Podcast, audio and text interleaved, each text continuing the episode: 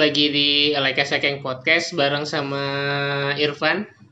Sekarang saya lagi nyoba pertama kalinya uh, bikin podcast tapi online nih karena uh, selama pandemi kemarin tuh uh, podcast saya berhenti rata-rata ya karena saya nggak bisa nggak bisa ketemu orang dan juga nggak berani ketemu orang sih. Cuman kalau sekarang sih harus harus membiasakan diri ya harus membiasakan diri biar podcastnya jalan terus dan juga ini nggak nggak terhalang sama tempat dan waktu juga sama eh, kayak saya sekarang ini eh, ketemu sama seorang teman kuliah saya eh, yang lagi ada di Cirebon yang memang tinggalnya di Cirebon sih oke mungkin saya dulu sama Widi Wid Halo.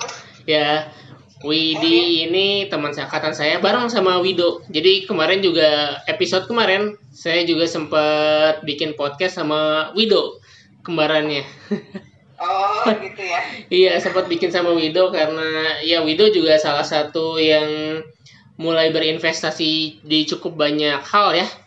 Itu jadi menarik juga dan kenapa sih kita bikin eh, podcast yang temanya sekarang udah mulai nyerempet ke saham investasi karena saya ngelihat sih dalam setahun ke belakang teh eh, terutama setelah pandemi kayaknya ini si tentang investasi ini agak-agak naik nih dibanding sebelumnya ya terutama di kalangan anak muda sih jadi kayak kelihatan kayak kayaknya tem beberapa teman udah ada yang mulai eh, update tentang saham di ini ya di di Instagram Story atau malah sampai ada yang ke feed juga Kata kamu gimana, Wit?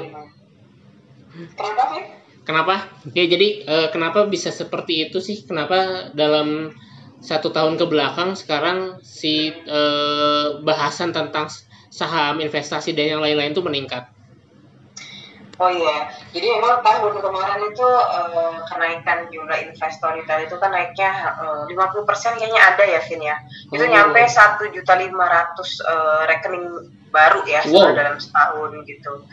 Luar biasa ya, naiknya Iya. banyak banget gitu. Eh, sebelumnya nih ya, aku kalau misalkan nawarin saham itu susah loh, Vin. Jadi kalau misalkan aku nggak keluar kantor itu, itu agak susah ya dapat Jadi harus harus harus ketemu dulu kalau dulu ya. Benar, iya. Tapi Jadi sekarang harus, eh, online bisa coba. bi- bisa dapat dapat nasabah.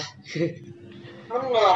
Pas tahun kemarin itu banyak yang datang langsung ke sini gitu loh. Nah itu kalau misalkan kita lihat sih sebenarnya lebih ke karena kemarin itu kan pandemi itu kan awal Maret ya Iya. masuk Indonesia ya gitu. Nah itu makanya kita kan eh, disebutnya generasi COVID ya. Iya, benar, Investor benar. generasi COVID. Gitu. Nah, ini juga buat yang belum tahu nih. Jadi eh, Widi ini eh, teman saya yang udah 10 tahun eh, berkarir 10 tahun lebih kali ya. 10 tahun lebih berkarir di dunia sekuritas. Tepatnya boleh disebutin nggak ini nama nama nama company-nya? Ya sekalian promosi ya. Jadi di di Trimega Security di Cirebon ya. Tapi kalau di Bandung juga ada ya sebenarnya si kantornya. Pernah lihat kayaknya. Rata-rata di kota besar mah udah udah ada kayaknya si perusahaan Trimega ini. Betul. Hmm. Kalau di kota besar ada eh, di Jawa Barat itu adanya di Bandung sama di Cirebon sih ya. Oh, cuma dua aja. Cuma dua. Dan kebenaran Widi ada di Cirebon gitu. Betul banget. Iya. Nah, eh, ya lanjut lagi soal tadi nih. Jadi ke dalam setahun terakhir tuh eh, lumayan ada ya, lumayan jadi jadi peningkatan ketertarikan orang tentang investasi di pasar modal tuh sekarang lumayan tinggi. Itu mungkin apakah karena merasa ketidakpastian masa depan atau gimana gitu? Atau misalkan karena mereka ya ngapain lagi nih biar biar bisa ada aktivitas di rumah atau gimana sih sebenarnya? Salah satunya itu betul. Jadi eh, kita kan banyak yang EPFH gitu ya. Hmm. Terus eh, apa namanya? Mungkin setelah selesai Zoom ya, mereka selesai ngerjain kerjaan kantor gitu. Jadi eh, ada waktu luang lagi gitu. Jadi lihat-lihat di eh, apa? eh, running trend gitu ya. Karena beberapa nasabah aku juga pas pandemi itu justru aktif banget, Vin. gitu. Hmm. Aku tanya kan sama nasabahku, "E, kok ke mana aja kemarin, kok baru sekarang-sekarang gitu. Ya wit, gue sekarang WFH nih gitu, jadi gue udah bisa trading full gitu ya, jadi dia nyambi gitu loh. Oh, Gitu, jadi dia sambil trading gitu. Kalau di kantor kan dia kesulitan ya, gitu. Tapi kalau di Oh. rumah itu dia jadi fokus juga ke tradingnya gitu. Justru karena kalau misalkan eh, sekarang masa pandemi ini, jadi orang WFH dia kalau uh, tradingnya bisa lebih bebas karena nggak dikenal nggak nggak dikontrol sama orang kantornya. Mungkin ya, salah satunya itu ya. Oke oke oke.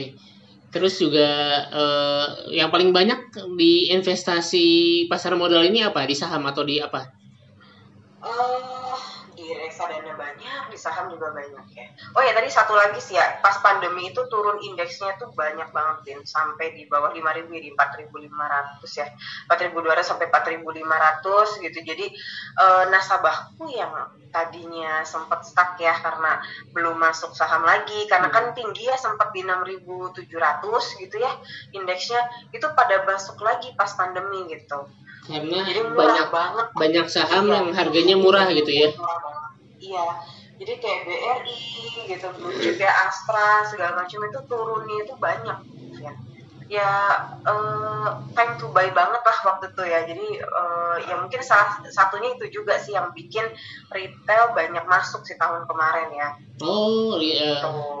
katanya ya, juga banyak saham. Hmm, terus juga kemarin kan karena ngobrol dapat ngobrol juga sama Wido uh, sempat dapat insight juga. Katanya dia dapat untung gede dari nikel katanya.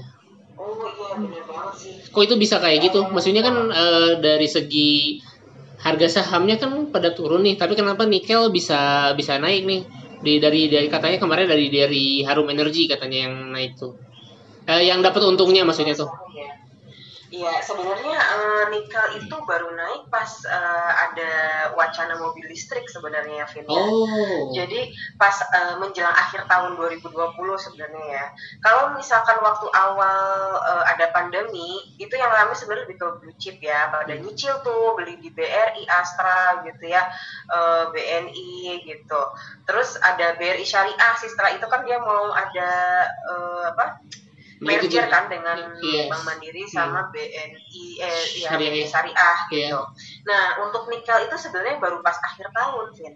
Oh, ramenya okay. uh, wacana untuk uh, apa namanya mobil listrik itu makanya pas akhir tahun itu komoditas terutama nikel dan timah itu naik banyak gitu jadinya itu yang ngaruh banget ya karena ada baru wacana aja sebenarnya bisa ngaruh ya saya juga kan baru belajar juga nih karena kita bulan kemarin uh, ada forum yang bareng sama teman-teman sekelas di manaj uh, manajemen UB 2005 jadinya saya masuk ke grup nih ternyata banyak hal ya yang bisa mempengaruhi uh, orang untuk jual ya untuk trading di saham tuh. Jadi kayak kemarin Widi itu nge-share tentang uh, pemerintah tidak tidak larang mudik tahun 2021 itu aja bisa ngaruh ke saham ternyata. Saya pola pikir saya baru-baru kebuka di situ ternyata bisa ngaruh ke sahamnya Garuda dan KAI ya Jasa marga. oh jasa marga ya jasa marga. Eh, kereta api belum. Belum. Di bursa ya. Oh oke oke. okay, okay. jasa marga sama uh, Garuda. Tapi kalau misalkan dari kita sendiri ya maksudnya sekuritas aku dari riset kita sih lebih ke jasa marga hmm. karena pas pandemi ini uh, orang pasti akan lebih prefer naik mobil pribadi Vin daripada uh, naik uh, pesawat itu oh, apa iya, betul, terutama betul, yang betul. masih di Jawa lah ya iya, iya. kecuali kalau misalkan yang sampai ke luar pulau gitu hmm. kalau misalkan yang masih di Jawa sih lebih prefer naik mobil pribadi otomatis uh, ya jalan tol kan pasti banyak ya yeah. uh, ininya apa namanya banyak mobil yang lewat jalan tol gitu. Jadi itu pemasukan yang besar sih untuk jasa marga Vin. Jadi sebenarnya kalau misalkan kita jadi seorang trader di saham itu benar-benar harus up to date dengan uh, kondisi negara kita saat ini ya terutama kalau misalkan sahamnya saham-saham yang di Indonesia. Benar benar banget Vin ya regional kita harus tahu dikit lah uh, suku-suku banyak gitu ya. Yeah. untuk dalam negeri apalagi lah harus update gitu terutama yang uh, trader ya. Hmm. kalau misalkan investasi kan sebenarnya lebih long term kayak gitu. Iya iya iya. Kalau Wido sih kemarin arahnya dia masih ke investor sih nggak nggak nggak ke trader. Karena lumayan oh, iya. lumayan lumayan makan waktu juga ya jadi trader. Itu berarti harus mantengin banget ya uh, teknikalnya ya mungkin yang harus matang banget sih jadi tahu banget kapan masuk dan kapan keluar gitu yeah. jadi uh, kalau fundamental sih memang uh, perlu untuk pemilihan saham gitu tapi teknikal itu uh, untuk uh, timing kapan hmm. paling pas untuk masuk dan keluarnya gitu jadi kalau trader memang harus matang sih sebenarnya ya teknikalnya ya gitu Kalau Widi sendiri gimana? Eh, buka ada ada saham juga di mana nih? Pasti pasti pasti bikin lah, nggak mungkin enggak kan? Iya, aku pribadi aku ya di Hmm. apa namanya saham. Cuman aku lebih eh, investasi ya, Oh gitu. gitu. Beberapa kali sempet lah nyopet nyopet gitu. Kalau misalkan memang lagi agak senggang ya. Oh iya Tapi kalau iya. misalkan nggak senggang, tuh nasabah banyak eh, order yang diinput, memang nggak sempet lah untuk mikirin diri sendiri ya. Jadi Iya. makanya aku lebih banyak investasi. Berarti lumayan cukup ngabisin waktu ya sebenarnya si kita apa kita main saham ini tuh. Kalau misalkan mau niat jadi trader gitu ya. Mm-mm. Ya kalau misalnya marketnya lagi rame itu memang cukup eh, ngabisin waktu dan nggak kerasa. Tiba-tiba udah break sesi satu gitu ya, lanjut eh, nanti sesi dua gitu. Tapi kalau misalkan memang lagi agak sepi gitu, ya memang agak ini ya, nggak nggak terlalu menyita waktu justru jadi Iya. lebih banyak eh, apa mantenginnya gitu, Iya, lebih iya, banyak benar. merhatiinnya gitu. Kalau misalkan lagi rame ya memang kita bakal banyak input order gitu. Hmm. Nah kalau sekarang-sekarang kan sebenarnya lagi sideways sih, Vin. Jadi eh, agak senggang ya sebenarnya Hmm. dibanding beberapa aw- akhir sampai awal tahun kemarin ya. Iya. Gitu. Biasanya kenapa tuh kalau misalkan ada pasar saham jadi agak agak, agak senggang tuh karena apa gitu? Kenapa kenapa awal tahun bisa ramai tuh kenapa tuh? Ya, kalau misalkan eh, ya kemarin memang termasuknya luar biasa untuk tahun 2020 kan memang karena indeksnya lagi murah ya, ditambah banyak eh, katalis-katalis positif nih Vin untuk kemarin itu ya, baik dari regional maupun dari eh, dalam negeri sendiri ya. Gitu. Kayak akhir tahun kemarin kan ada eh, omnibus law Oh gitu ya, iya. terus wacana mobil listrik gitu.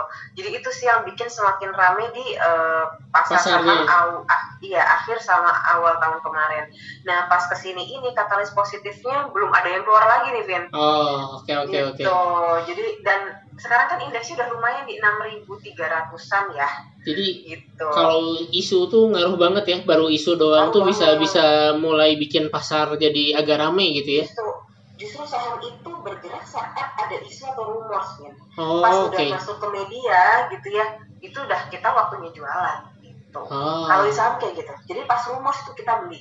Pas news ya kita udah harus jualan. oh Gitu. ya gitu jadi benar-benar kudu gercep nih ketika misalkan udah ada isu dikit udah langsung bisa ya bisa bisa memutuskan beli atau jual ses- eh, saham sesuatu ya gitu ya. Benar, benar. Ya apa eh, ya kadang kan baru ada wacana gitu ya rencana. Nah itu sebenarnya oke untuk beli sih Vin. Hmm. gitu. Nanti pas fix uh, confirm benar gitu dia uh, melakukan uh, misalkan corporate action atau apa nah itu justru waktunya jual gitu. Kita apa saya juga pengen kenal sedikit sih sama perusahaan terutama ya perusahaan sekuritas nih karena saya sendiri masih bingung nih kalau misalkan si tugasnya ibaratnya tugasnya Widi nih kerjaannya Widi nih sampai Oh, iya. sampai hari Minggu sekarang masih kerja di kantor itu ngapain sih sebenarnya? Kok sampai segitunya? Kirain nggak sibuk? Kemarin aja pas bulan lalu kita ada forum sama teman-teman kuliah di manajemen aja jam 8 malam itu Widi masih ada di kantor juga itu sampai segitunya emang ngerjain apa sih sebenarnya? sebenarnya sih nggak setiap hari sih ya. Oh, Eh, apa kebetulan aja ya karena waktu itu aku tahu lagi ya mau ada eh, apa namanya kita ada eh, acara juga kan Iya. jadi pas banget nasabah juga ada yang bisa ketemunya itu sore hmm, gitu. jadi sama lah kayak Jadi- waktu apa orang-orang yang marketing bank juga kayak gitu kan? Betul gitu sebenarnya sih eh, di sekuritas itu eh, ini sih eh, apa namanya nggak eh, nggak sampai nggak nggak setiap hari sampai malam ya sebenarnya Oh, oke, oke. gitu cuman kadang sampai malam itu kalau misalnya ketemu nasabah Hmm. gitu ya beliau bisanya itu eh, sore gitu atau habis maghrib atau malam mi- misalkan lagi ke apa sih nasabahnya itu pulang kerja baru bisa ya tidak terpaksa kadang baru ketemu malam gitu. Kalau misalkan selebihnya sih eh, biasa sih sore udah pulang. Nah, tapi gitu. kerjaannya sebenarnya apa sih? Perusahaan sekuritas tuh maksudnya di eh, di masyarakat tuh apakah jadi ya kan kalau misalkan yang saya coba pahamin sih dia ngebantu ngebuka rekening sahamnya pertama kayak kemarin eh, ke coba apa yang ngasih ke eh, siapa Tedian sama Made ya Oh betul. ya itu eh, reksadana ya reksadana ngasih reksadana terus eh, di luar itu ngasih ini juga ngasih apa ya sebagai manajer investasinya bukannya atau Iya betul. Jadi sekuritas itu sebenarnya ada tiga fungsi sih Vin ya. Hmm. Gitu. Yang pertama itu eh, buat trading saham langsung kayak Oke. eh, aku kayak gini ya. Iya. Terus yang kedua itu aset manajemen atau reksadana dan yang satu lagi itu eh, investment banking. Oke, investment banking maksudnya deposito kayak gitu. Bukan. Jadi eh, perusahaan yang mau listing di bursa itu kan lewat sekuritas juga. Oh, oke gitu. nah oke itu oke. melalui eh, divisi investment banking. Gitu. Oh, oke jadi eh, berarti dia nyasarnya nggak cuman personal aja tapi juga korporat juga masuk gitu ya Betul. si target eh, kliennya tuh gitu. Nah kalau Betul, misalkan eh, kalau misalkan kayak reksadana saham sih saya udah mulai ngerti nih kemarin dari kalau kata Wido kalau reksadana saham itu berarti kan si paket sahamnya ya udah dipilihin sama yang jual paketnya gitu kan ya karena isinya bisa apa aja kita nggak tahu gitu ya tapi kalau misalkan eh, saham sebenarnya kan kita yang ngelola nah kalau saham kita yang ngelola kenapa kita butuh manajer investasi seperti di sekuritas gitu di perusahaan sekuritas Kalau manajer investasi itu kan sebenarnya adalah eh, dia koki ya kalau misalkan ibaratnya di eh, Dapur. apa masak ya iya gitu. Produknya itu kan sebenarnya reksadana, tapi yang mengelola reksadana itu disebut manajer investasi. Hmm. Gitu. Sebenarnya kenapa sih eh, kalau kita kita bisa trading sendiri, tapi kenapa kita tetap perlu manajer investasi? Sebenarnya eh, kalau bilang perlu manajer investasi berarti sama aja pemilihan antara saham dan reksadana ya, iya gitu. Sebenarnya lebih ke diversifikasi produk sih ya. Jadi eh, untuk trading sendiri kita memang bebas untuk beli saham apa aja gitu. Tapi kita juga perlu pe, eh, apa ya? Jadi perlu diversifikasi selain di saham itu kita bisa masuk ke reksadana gitu untuk pilihannya. Kalau reksadana itu kan sudah dipilihin semuanya sama in, eh, manajer investasi ya eh, portofolionya gitu.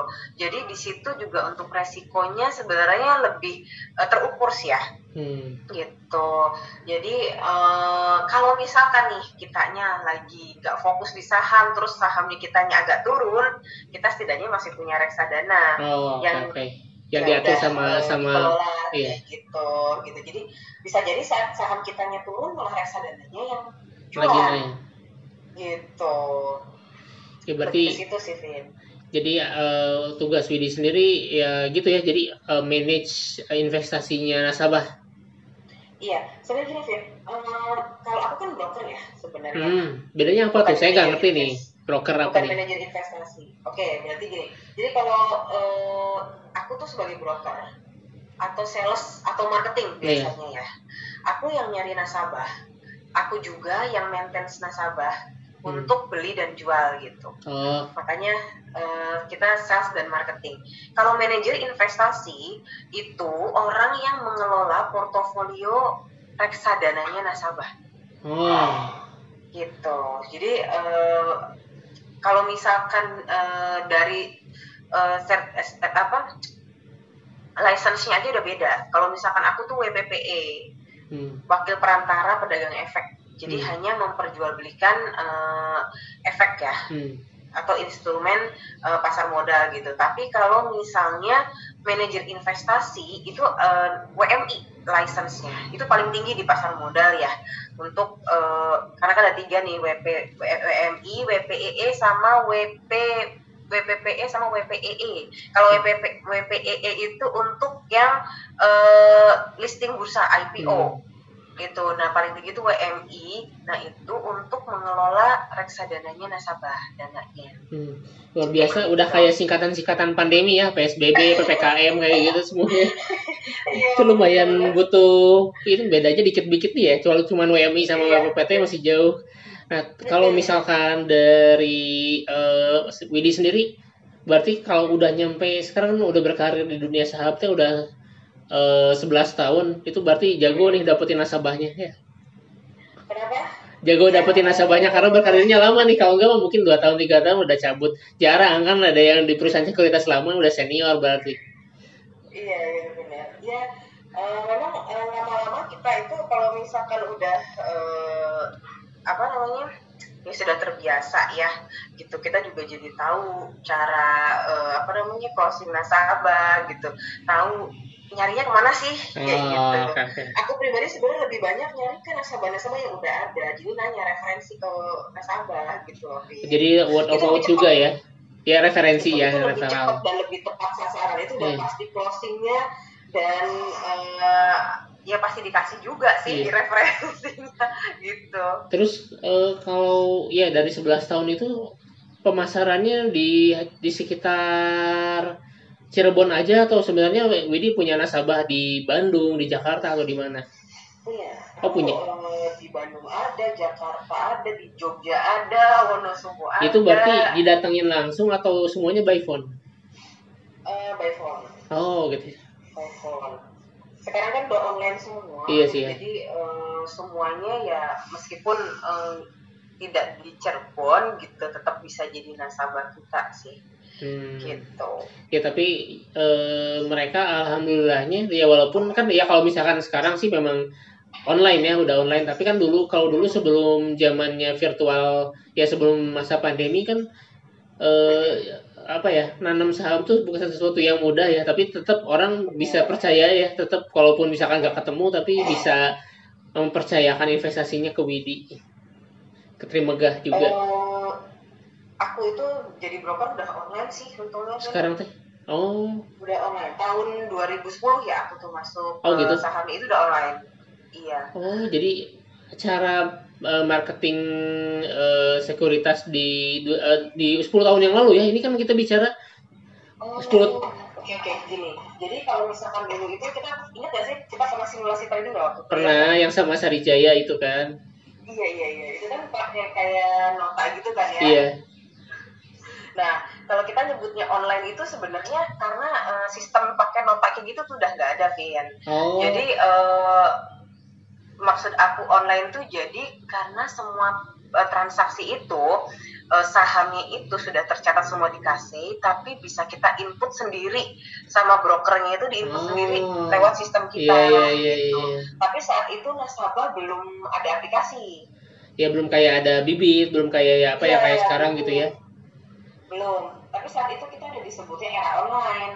Iya. Karena dulunya kan masih pakai nota segala macam itu. Iya, iya, iya. Itu kan Oh, itu ya. kan tahun 2007 kalau nggak salah ya, 2007. Iya. Berarti 2010 tuh udah udah go go online si saham tuh. udah online betul udah scriptless ya kita bilangnya gitu kalau Iya. misalkan zaman dulu tuh masih harus bawa bawa warkapnya Harus datang ke, ke bursa 2010 itu efeknya. kan- iya ke sekuritasnya ya nah kalau misalkan eh, apa namanya pas aku masuk tahun 2010 itu udah scriptless gitu jadi sistemnya udah online semua Oh. tapi memang nasabah belum bisa nginput sendiri jadi eh, dulu sih di sekuritas itu ada galeri ya Mm-mm. galeri. Nah, itu nasabah-nasabah tuh pada datang tuh nanti untuk mantau sahamnya. Nanti Hmm. inputnya itu ya eh, ke kita ke brokernya. Jadi eh, mereka belum bisa input sendiri gitu.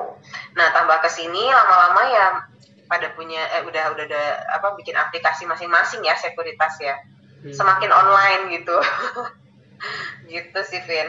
jadinya eh, ya jadi lebih berkembang lagi apa ya, kalau misalkan sekarang nih apa yang dari tahun 2010 Widi kerja di Trimegah terus sekarang eh, 2021 nih udah 11 tahun yang paling mencolok perbedaannya yang bisa ya selain selain adanya aplikasi sekarang udah ada aplikasi handphone apa nih yang bikin beda pasar saham dulu dan sekarang Eh, salah satunya tadi yang udah aku jelasin ya. Jadi sekarang itu eh, aku cari investor itu udah nggak sesulit dulu sebenarnya ya. Kalau dulu aku baru masuk itu sempat door to door juga loh, wow oh iya iya iya Ya, aku sempet eh, door to door gitu ya.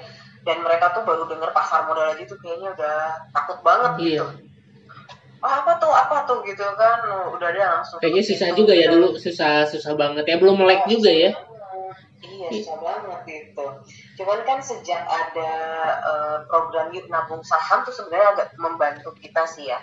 Justru sebenarnya saya baru dengar program itu nih yuk nabung saham. Oh, iya, ya, mungkin ter belum belum tersosialisasi juga ke saya sayanya, tapi uh, mungkin bisa bisa dijelasin sih.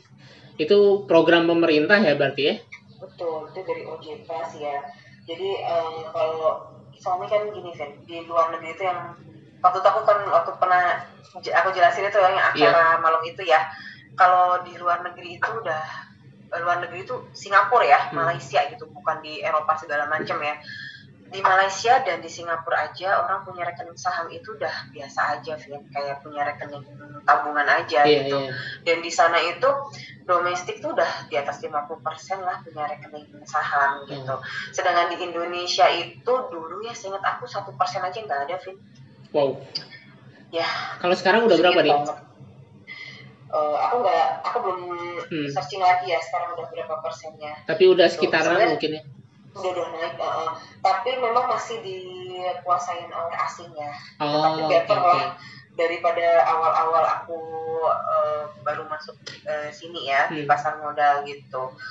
Jadi uh, pemerintah itu memang uh, bursanya juga giat banget bikin acara-acara untuk edukasi sih ya, gitu untuk pasar modal gitu. Dari situ mulai tuh aku sering banget ada nasabah walk in atau nasabah langsung datang ke kantor loh ya, hmm. gitu nanya tentang saham dan yang bikin aku amaze-nya lagi uh, orang-orang di pasar loh, orang jual daging ayam gitu ya, ada yang penjaga toilet aku tanya dong mereka tahu dari mana? Gitu. Ya kan lagi ada program itu lomba yang OJK yuk nabung saham bisa tahu ya? Iya. Ya mungkin karena semakin canggih gadget kita ya. Mungkin sering nonton YouTube mereka terus iya. uh, pas banget ada ini ya apa namanya kontennya tentang saham. ya iya seperti itu Iya, jadi kalau ngelihat juga saya juga mulai banyak tertarik sama saham juga karena ya selain ngelihat teman-teman juga uh, sering nonton kontennya Raditya Dika. Raditya, Raditya, Raditya Dika oh. lumayan sering uh, share dengan apa share tentang saham finansial yang kayak gitu. Terus juga dia pernah ngajak Likwina Hananto. Jadinya saya kenal juga tuh Likwina Hananto. Follow juga ngelihat makin lama makin kenal juga. Oh, planner itu ya. Iya, terus juga Prita Gozi. Prita Gozi mulai uh, ya dari karena uh, nyambung ya dari satu ke satu uh, dia mereka tuh saling terkoneksi karena mereka bikin konten bareng. Terus juga sekarang kayak Deddy Corbuzier aja dia masarin bibit ya bibit.id ya. juga. Ya jadinya makin lama makin gampang ini ya gampang uh, tersosialisasi sih gitu. Kalau saya sendiri sih kalau yang pro, uh, program yang Yunabung saham itu mungkin nggak kena ya nggak kena nggak nggak kena pacarnya kena pasarnya saya tapi uh, ya karena pengguna sosial media banget gitu ya kenanya di situ gitu. Jadi pasar kena kena e, promosi tentang sahamnya ya dari situ gitu. Apalagi sekarang teman-teman udah pada bikin e, mulai punya saham itu juga nanti udah mulai ngebrand wash saya juga nih. Oh, jadi kayak gimana gitu. Jadinya udah ya sekarang mesti belajar dulu ya belajar dulu mantau-mantau grup dulu nanti mungkin insya Allah kalau misalkan sudah ada waktu yang tepat dan sudah ada ya nyoba pengen, pengen nyoba juga ya kalau misalkan harus, harus ini ini bahasa marketing nih. Biasanya kayak gitu biasanya. Iya enggak. Soalnya gini, aku uh, ya mungkin karena aku juga lama di saham juga ya. Aku uh, jujur aja kebuka mata gitu. Ternyata uh, ada alternatif untuk uh, investasi selain di emas dan uh, apa namanya properti ya. Yeah, iya. yang yeah. orang Indonesia ini belum belum familiar banget padahal uh, sangat berpotensi gitu ya. Hmm. maksudnya um, bagus gitu ya. Karena kan secara chart gitu orang kalau masuk di LM kok nggak takut ya gitu. Padahal sama aja loh LM sama saham itu. LM itu apa? cuman mungkin uh, eh, LM mas. Oh LM iya iya angkam ya. hmm, iya iya. iya logam mulianya ya iya. maksudnya bukan perhiasan mungkin ya. karena antam apa sih emas tuh konvensional kali ya udah dari zaman dulu kali ya, ya. karena mungkin karena bentuk fisiknya ada sih ya. Ah iya iya iya betul betul kan betul fluktuasi ya gitu. Ya kan? Kita 10 tahun yang lalu harganya masih lima ratusan iya. ya masih sekarang sembilan ratus uh, ribuan gitu tapi butuh berapa tahun kan? Iya itu uh, jangka waktunya jangka waktu lama. Iya padahal kan sama aja di saham juga yeah. seperti itu gitu. Tapi uh, di Indonesia masih pada takut gitu kan. Padahal uh, fluktuasinya sama aja sih ya. Memang hmm. lebih lebih lebih naik turun di saham gitu ya. Tapi kalau misalkan ngomongin masalah waktu sebenarnya lebih cepat saham loh. Oh iya. Lebih cepat saham sebenarnya ya Uh, kalau misalkan masalah fisik sebenarnya kita bisa kok memfisikkan saham ya. Mm-hmm. cuman nanti repot pas mau jual lagi nya iya. Karena kan iya. Karena kan uh, pas mau kita jual kita harus scriptlesin lagi. Iya bener bener bener bener. Butuh waktu ya bisa sebulan dua bulan ya aku pernah soalnya nge-scriptlesin uh, sahamnya nasabah gitu repot malah sebenarnya iya. enak kayak gini gitu.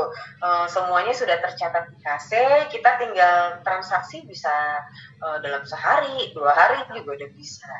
Jadinya lebih simple gitu ya karena ya udah udah semuanya iya. udah terdigitalisasi juga sih ya. Jadi kita mantaunya gampang kita transaksi juga sekarang nggak ribet juga. Iya lebih liquid gitu terus uh, ya praktis aja ya Terus katanya juga kata waktu saya dengar dari pas forum kemarin oh, iya. uh, lebih mudah uh, sekarang lebih mudah uh, buka rekening saham karena seratus ribu pun bisa katanya. Iya benar banget. Emang emang dulu berapa ada, sih? Sejak ada program Yunabung Saham itu dulu itu kan minimal di Trimegah ya tempat kerja itu 25 juta ya. Wow. Tahun 2010 gitu terus pas ke sini jadi 5 juta eh 10 juta dulu terus turun lagi jadi 5 juta semakin baik eh, online itu jadinya 100 ribu sekarang 100 ribu itu per kapan tuh? Oh, sekitar dua tahun lalu lah. Oh, dua tahun lalu, iya, iya, iya, iya, ya. Jadi kayaknya lumayan uh, gelombang orang uh, buka rekening saham kayaknya mulai ada 2018 sudah mulai kenceng nih ya. Ya kayak Wido, Lutfi juga dan yang lain-lain uh, buka rekening saham tuh ya di tahun-tahun segitu ya. Karena ya soalnya memang lumayan berat juga kalau misalkan 25 juta tuh pasti mikir mikir ulang sih itu. Udah seharga DP mobil. Iya tapi sebenarnya kalau masuk saham itu kan gini ya kita masukin dana nih 25 yeah. juta ya. Tapi kan nggak serta merta habis uangnya. Jadi hmm. misalkan kita uh, depo dulu 25 juta misalkan kita transaksinya satu juta dulu gitu. Oh, masih ada sisa okay, 24 okay terus misalkan nggak mau kitanya ah nanti lagi lah saya belum mau beli saham. Misalkan kita diemin dulu itu nggak masalah. Uangnya utuh gitu loh. Dan bisa ditarik lagi nggak misalkan? Misalkan? Bisa. bisa. Oh gitu. Bisa, nanti uh, kalau misalkan bulan depan baru mau transaksi lagi bisa. Oh. jadi uh, bukan 25 juta langsung cukup dibeliin semua saham. Karena harus harus dipelajari dulu ya saham tuh ya. Kalau nggak kenal maka nggak saham benar benar banget. Itu sih yang aku merasa ini orang tuh harus tahu gitu loh. Iya. Harus tahu kalau misalnya tidak semengerikan yang kita bayangkan ya. Iya iya. Gitu. tapi uh, rugi pernah pernah juga kan? Atau bisa rugi juga kan? Namanya namanya bisa investasi. rugi.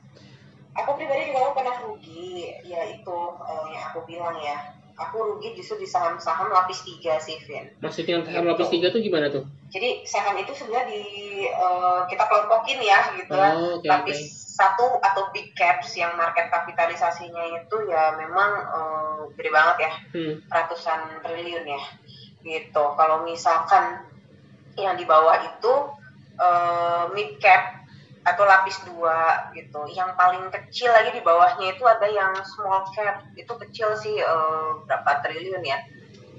Ya di bawah uh, 10 lah ya. 10 triliun lah ya. Oh. Itu yang uh, kecil. Contohnya bisa nah, kasih contoh-contohnya nggak yang big capsnya apa, yang lapis tiganya apa? Kalau misalnya uh, big caps ya kita udah paling kenal ya Telkom, Astro itu kan uh, ratusan ratusan triliun ya iya, iya, iya. kapitalisasinya ya. Terus uh, Unilever itu big caps gitu. Kalau misalkan yang tengah-tengah itu uh, konstruksi hmm. kayak Adikarya, Waskita, terus PPPP itu lapis dua gitu. Nah yang paling uh, apa namanya? Yang paling uh, small cap itu aku nggak apa semua sih ya tapi biasanya nama-namanya yang jarang kita dengar ya. Hmm um, kayak apa ya si up Uh, terus uh, kodenya aku lebih ingat kodenya sebenarnya hmm. ya. Terus kayak uh, MPMX kayak gitu, yang kecil-kecil kayak gitu. Ya nasabah kalau misalkan ditanya itu juga belum tentu tahu yeah. ininya ya, belum tentu tahu uh, apa namanya itu tuh perusahaan apa hmm. gitu tuh Vin. Harus dipelajari. Jadi dulu. intinya sih, iya kita harus tahu uh, itu perusahaannya itu uh, apa namanya bisnis core-nya apa gitu. Nah yang kecil-kecil biasanya yang kita tuh jarang dengar lah. Tapi berarti kalau yang kecil-kecil uh, itu bisa macam-macam ya bisnis core-nya. Ya mulai mungkin ada lebih kayak uh, lebih kayak mungkin food sama fashion juga ada misalkan yang IPO di situ. Uh, food uh, kayak ini apa mm, fast food kayak gitu ya? Iya itu ada nggak sih sebenarnya kan paling sering dengar tuh kayak bank uh, terus konstruksi ya tadi Astra juga termasuk yang yang gede-gede lah tapi kalau misalkan kayak Eh, perusahaan-perusahaan yang food terus yang fashion itu sebenarnya ada nggak sih yang uh, jual saham juga? Ada, uh, ada M, ada MAPI ya. MAP Mitra Adi Perkasa. Oh, MAP iya iya tahu-tahu ya, itu kan fashion. Fashion sama food juga sih. Iya, dan gede juga karena dia mungkin karena si cakupan bisnisnya gede banget karena kan dia men, e, membawahi banyak brand di dalamnya kali ya. Benar banget. Itu kan dari fashion sampai food and beverage dia punya ya. Iya. Itu gitu. fashion soalnya saya mikirnya PZZA. Apa? Pizza F PZZA, pizza, pizza Hut. Oh, pizza Hut. Oke, oke. Iya sih. Hmm, sama itu PZZA. Ini sudah macam harus kode harus tahu kode-kodenya juga nih. ya cuma kalau misalkan MAP ya, iya iya kalau udah apalagi tiap hari jadi makanan sehari-hari mah udah pasti hafal gitu Benar. ya soalnya saya kepikiran kalau misalkan gitu ya suatu saat e, beli saham juga pengen ini juga sih pengen iya arah ada arahnya ke yang bisnis core-nya fashion sama food karena kayaknya eh, talakang oleh waktu bisnisnya teh berkembangnya teh ada aja gitu ya walaupun ya itu masih eh, pemikiran beginner lah gitu ya. Kayaknya kalau misalkan ada yang fashion atau food kayaknya berkembangnya bakal cepat itu apalagi kalau lihat ada yang MAP buka oh MAP berarti uh, bisa ya salah satu ladang juga tuh karena banyak banget sih dalamnya terus yang merek-mereknya terkenal pula. Iya benar benar banget. Mati mati termasuknya cukup liquid sih ya sahamnya ya. Oh iya maksudnya cukup cukup liquid itu gimana tuh liquid itu uh, banyak yang transaksi di situ oh, yang okay, antri jual maupun yang antri beli. Jadi kalau misalkan uh, saham yang liquid itu saham yang relatif lebih aman daripada yang nggak liquid. Ya. Hmm. Kalau misalkan nggak liquid, berarti bisa jadi nggak ada yang mau beli. Nah, okay, okay. kita repot untuk beli, uh, untuk jualnya ya kalau kayak gitu. Nah kalau MAPI ini termasuk yang liquid, jadi uh, kalau misalkan kita mau jual juga orang banyak yang mau beli. Oke uh, oke. Okay, okay. Terus uh, mau tanya juga soal instrumen lain pasar modal yang biasanya ditawarkan sama sekuritas ya selain reksadana sama saham apalagi nih apakah obligasi uh, nah itu belum paham juga nih obligasi uh, apa sih obligasi obligasi walaupun udah udah udah lulus uh, mata kuliah bank dan lembaga keuangan lainnya ya tapi tetap sih kadang dulu mah hafalan jujur aja dulu mah oh hafalan obligasi kayak gini tapi secara pemahamannya belum belum jauh sampai ke dalam gitu. Sama sih, sama. Aku juga baru ngerti itu pas masuk ke sini ya. Masuk Karena udah terjun langsung ya, ngejalanin langsung. banyak bedanya saham, ya, reksadana dan obligasi ya gitu. Kalau misalkan obligasi itu jadi sebenarnya surat utang, ya. Hmm. Kalau misalkan saham kita beli itu sebenarnya kita sebagai pemilik perusahaan. Iya. Iya kan. Tapi kalau misalkan kita beli surat utang, kita tuh tetap orang luar, Vin, bukan pemilik perusahaan. Oh, beda aja di situ. Iya. Jadi untuk keuntungannya, kalau misalkan saham itu kan dari jual beli uh, selisih harga beli dan harga jual. Hmm.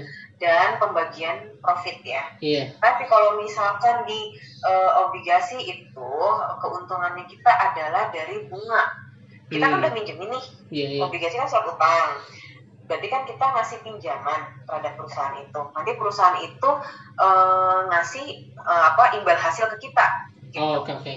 yang kita sebut juga kalau nggak bunga ya kupon gitu oh jadi ibaratnya dipinjemin doang gitu ya dipin kita minjemin duit doang Iya. jadi nggak eh, berarti ada waktu tertentu dong kalau bisa biasanya kalau minjem gitu Benar, kalau misalkan obligasi itu ada tenornya tiga tahun biasanya ya. Untuk oh obligasi pemerintah teori gitu kan tiga tahun ya. Untuk perusahaan eh, ada yang dua tahun dengan tiga tahun. jadi Tergantung perusahaannya. kalau kalau misalkan obligasi gitu berarti si keuntungannya tetap dong fix Tetap fix rate. Ah, oke oke nah ini udah mulai paham nih jadi ya ya karena karena udah dibilang ini teh eh, perusahaan utang ke kita jadinya kebayang juga nih berarti ya kalau biasanya utang ya, ya kalau misalkan ada di lebih pun ibaratnya ya harus harus fix dong ya Iya benar fix. Jadi eh, dia bayar kuponnya, tapi kita juga sebenarnya ah, bisa juga sih kalau misalkan kita sebelum tiga tahun kita juga bisa jual sebenarnya Hmm. obligasinya Vin. oh ya Gitu di pasar sekunder. Oh di pasar Gitu. kedua dua keduanya jadi Iya. nyari-nyari orang lagi gitu ya. Iya. Di tempat aku kerja juga bisa. Jadi sebenarnya aku juga selain eh, nanganin saham, orang mau jual beli di sekunder obligasi juga bisa. nah Gitu. tapi sekarang Widi ribet nggak sih kan maksudnya udah 11 tahun tentu nasabahnya udah banyak juga nih gimana tuh ngaturnya apalagi udah punya anak dua Online, ada aplikasi itu sebenarnya mengurangi eh, pekerjaan aku ya. Oh, iya. Itu nggak kebayang sih. Aku tuh nasabah sudah ratusan ya. Iya. Kalau misalkan masih diimpunin aku semua, wow wow banget deh. Soalnya pas waktu pandemi aja nih ya, eh, aku kadang jadi eh, telepon itu yang namanya Iya. HP bunyi, telepon kantor bunyi, WA juga bunyi, Vin. oh. iya, iya. iya jadi saat kadang aku sambil ngangkat telepon sambil eh, apa namanya jawab WA juga gitu. Eh, ya luar biasa banget ya. Tapi pas ada aplikasi otomatis kan nasabah juga nginput sendiri ya gitu. Iya. jadi hanya nasabah-nasabah tertentu aja yang masih diinputin gitu. Yang sudah lansia Hmm. biasanya. Terus yang ya mereka nggak suka lah pegang aplikasi sendiri gitu. Ya itu masih aku inputin gitu. Kalau misalkan yang lebih nyaman sendiri ya sangat membantu banget ya. Iya kayak gitu. justru membantu ya Oh bantu banget. tapi sebenarnya se- eh, mungkin pengen nanya juga kalau misalkan sekuritas itu dapat duitnya dari mana dong berarti ada jasa bayar jasa bayar jasa kan si customer kayak customer nasabah Ada fee, fee transaksi sebenarnya Vian. Oh. Saat transaksi di eh, apa namanya eh, saham ya Hmm. gitu. Jadi kalau misalnya beli itu di di aku itu 0,18 ya di di tempat ke aku kerja ya. oh persentasenya Terus- gitu ya jadi misalkan kalau 0,18%. misalkan beli ada pembelian saham seratus ribu delapan belas ribu ke Widi gitu betul. Eh eh, benar ya? Eh, bener. 0,18. oh 0,18 1800 Ya 1800. Nah itu 1800 itu bukan buat aku semua loh ya. hmm. Jadi itu sebenarnya dibagi lagi untuk bursa, untuk perusahaan sekuritas, terus kan kita ada KP, ada KC itu juga Hmm. bagian semua. Dan itu kalau misalkan yang sell itu ada 0,10 persen, nah itu Hmm. buat pajak, Vin. Jadi sebenarnya kalau sekarang mah perusahaan sekuritas enaknya eh, ya kalau mungkin kalau dulu eh, perusahaan sekuritas dapat duit banyak dari nasabah yang gede-gede tapi kalau sekarang dapat duitnya ibaratnya receh-receh tapi banyak banget. Iya, bisa bilang kayak gitu. Lagi fee juga sebenarnya kurang, Vin. Oh iya? Tahun 2010 itu masih 0,25, 0,3. Iya iya iya iya. Ya karena mungkin kan oh, belum online ya otomatis juga kan semuanya kita ya. yang- Banyak ini ya banyak banyak kos yang harus keluar juga. Betul. Kalau misalkan sekarang kan nasabah online sendiri otomatis juga ya kan harus ada benefit untuk nasabahnya juga Iya dong. iya iya. Kan eh, resikonya jadi terbagi sih kan. Kalau misalkan yang aku yang input itu sebenarnya saat aku ada kesalahan input nanti aku kan harus ganti ya, Wah iya iya. iya kan? Jadi eh, otomatis fee zaman dulu itu lebih besar gitu. Nah berhubung sekarang itu udah banyak yang online sendiri, otomatis resiko salah input itu kan di nasabahnya Iya. sendiri gitu. Makanya untuk fee juga udah nggak segede dulu sih. Oh jadi kal- kalau dulu fee-nya gede itu karena eh ya buat spare kalau kalau ada kesalahan input juga sih sebenarnya ya. Ini namanya human error ya pasti ada aja biasanya. Betul sih, lagi rame itu terus nasabah rebutan pengen pengen ditransaksiin malah makin bingung. hektik banget tuh kalau misalnya kayak gitu. Apalagi zaman dulu nasabah ke galeri semua, jadi eh, kayak ini aja. Saya dulu, saya dulu kayak gitu. nah, itu hektik lumayan sih. Kadang gue bikin bingung ya karena kita kan kadang input kode nasabah dulu ya Iya. Eh, Beli inputannya banyak ya. jual. Iya beli atau jual terus harganya dan lotnya gitu. Terkadang kan nasabah eh, nyebutinnya saham dulu baru action. Jadi eh, terus nanya dulu gitu. Jadi agak lama kadang di situ sih. Hmm. Jadi kadang kita keceletot harusnya sell malah beli. Aduh gitu tuh. Aduh itu par- parah lah itu. iya. Dan ya pasti pernah lah broker kayak gitu. iya iya iya iya. iya. Nah kalau misalkan, nah terakhir nih buat tips buat teman-teman yang mau coba terjun di saham, apa nih tipsnya kira-kira? Eh, sebenarnya kalau misalkan untuk sekarang eh, untuk di saham lebih ke yang pertama kita harus eh, milihnya sahamnya yang kita kenal dulu aja gitu. Jadi eh, apa namanya jangan gampang tergoda dengan saham yang lewat di running trend. Oh, gitu. Kalau misalkan pun gitu wah apa nih? Ini saham apa? Gitu. Kodenya kita nggak tahu kita cari tahu dulu tuh perusahaannya apa. Kalau misalkan bukan perusahaan yang kita kenal sebaiknya eh, apa kita pelajarin dulu bisnis Hmm. core-nya apa gitu. Baru kita masuk. Kalau misalkan eh, lebih lebih lebih simpelnya sih kalau misalkan belum mau kenalan sama saham-saham yang eh, apa namanya eh, resikonya tinggi, ya sudah kita lebih baik eh, konsen ke saham-saham atau eh, fokusnya ke saham-saham yang blue, blue chip aja gitu loh, Hmm. Vin.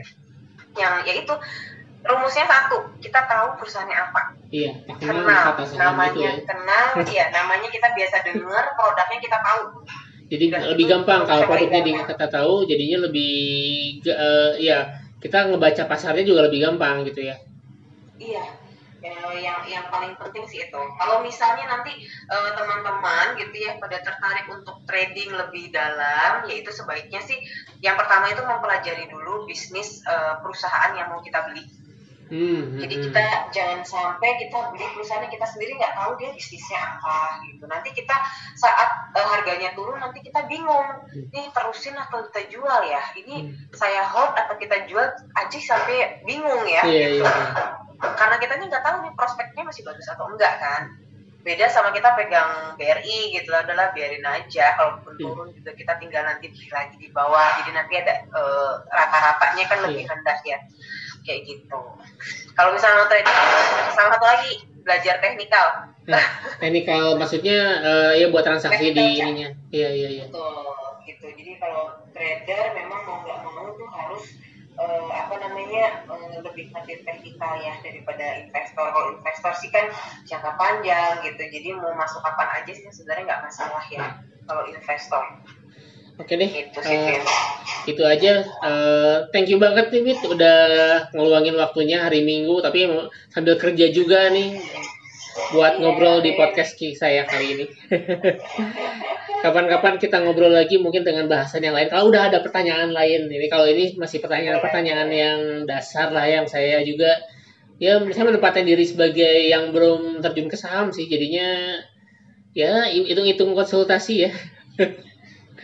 Boleh, boleh banget. Aku senang sih soalnya eh, semakin banyak yang ngerti ya sekarang ya. semakin banyak yang ngerti semakin banyak nasabahnya dong Widi ya. Jadi lumayan Iya cuannya juga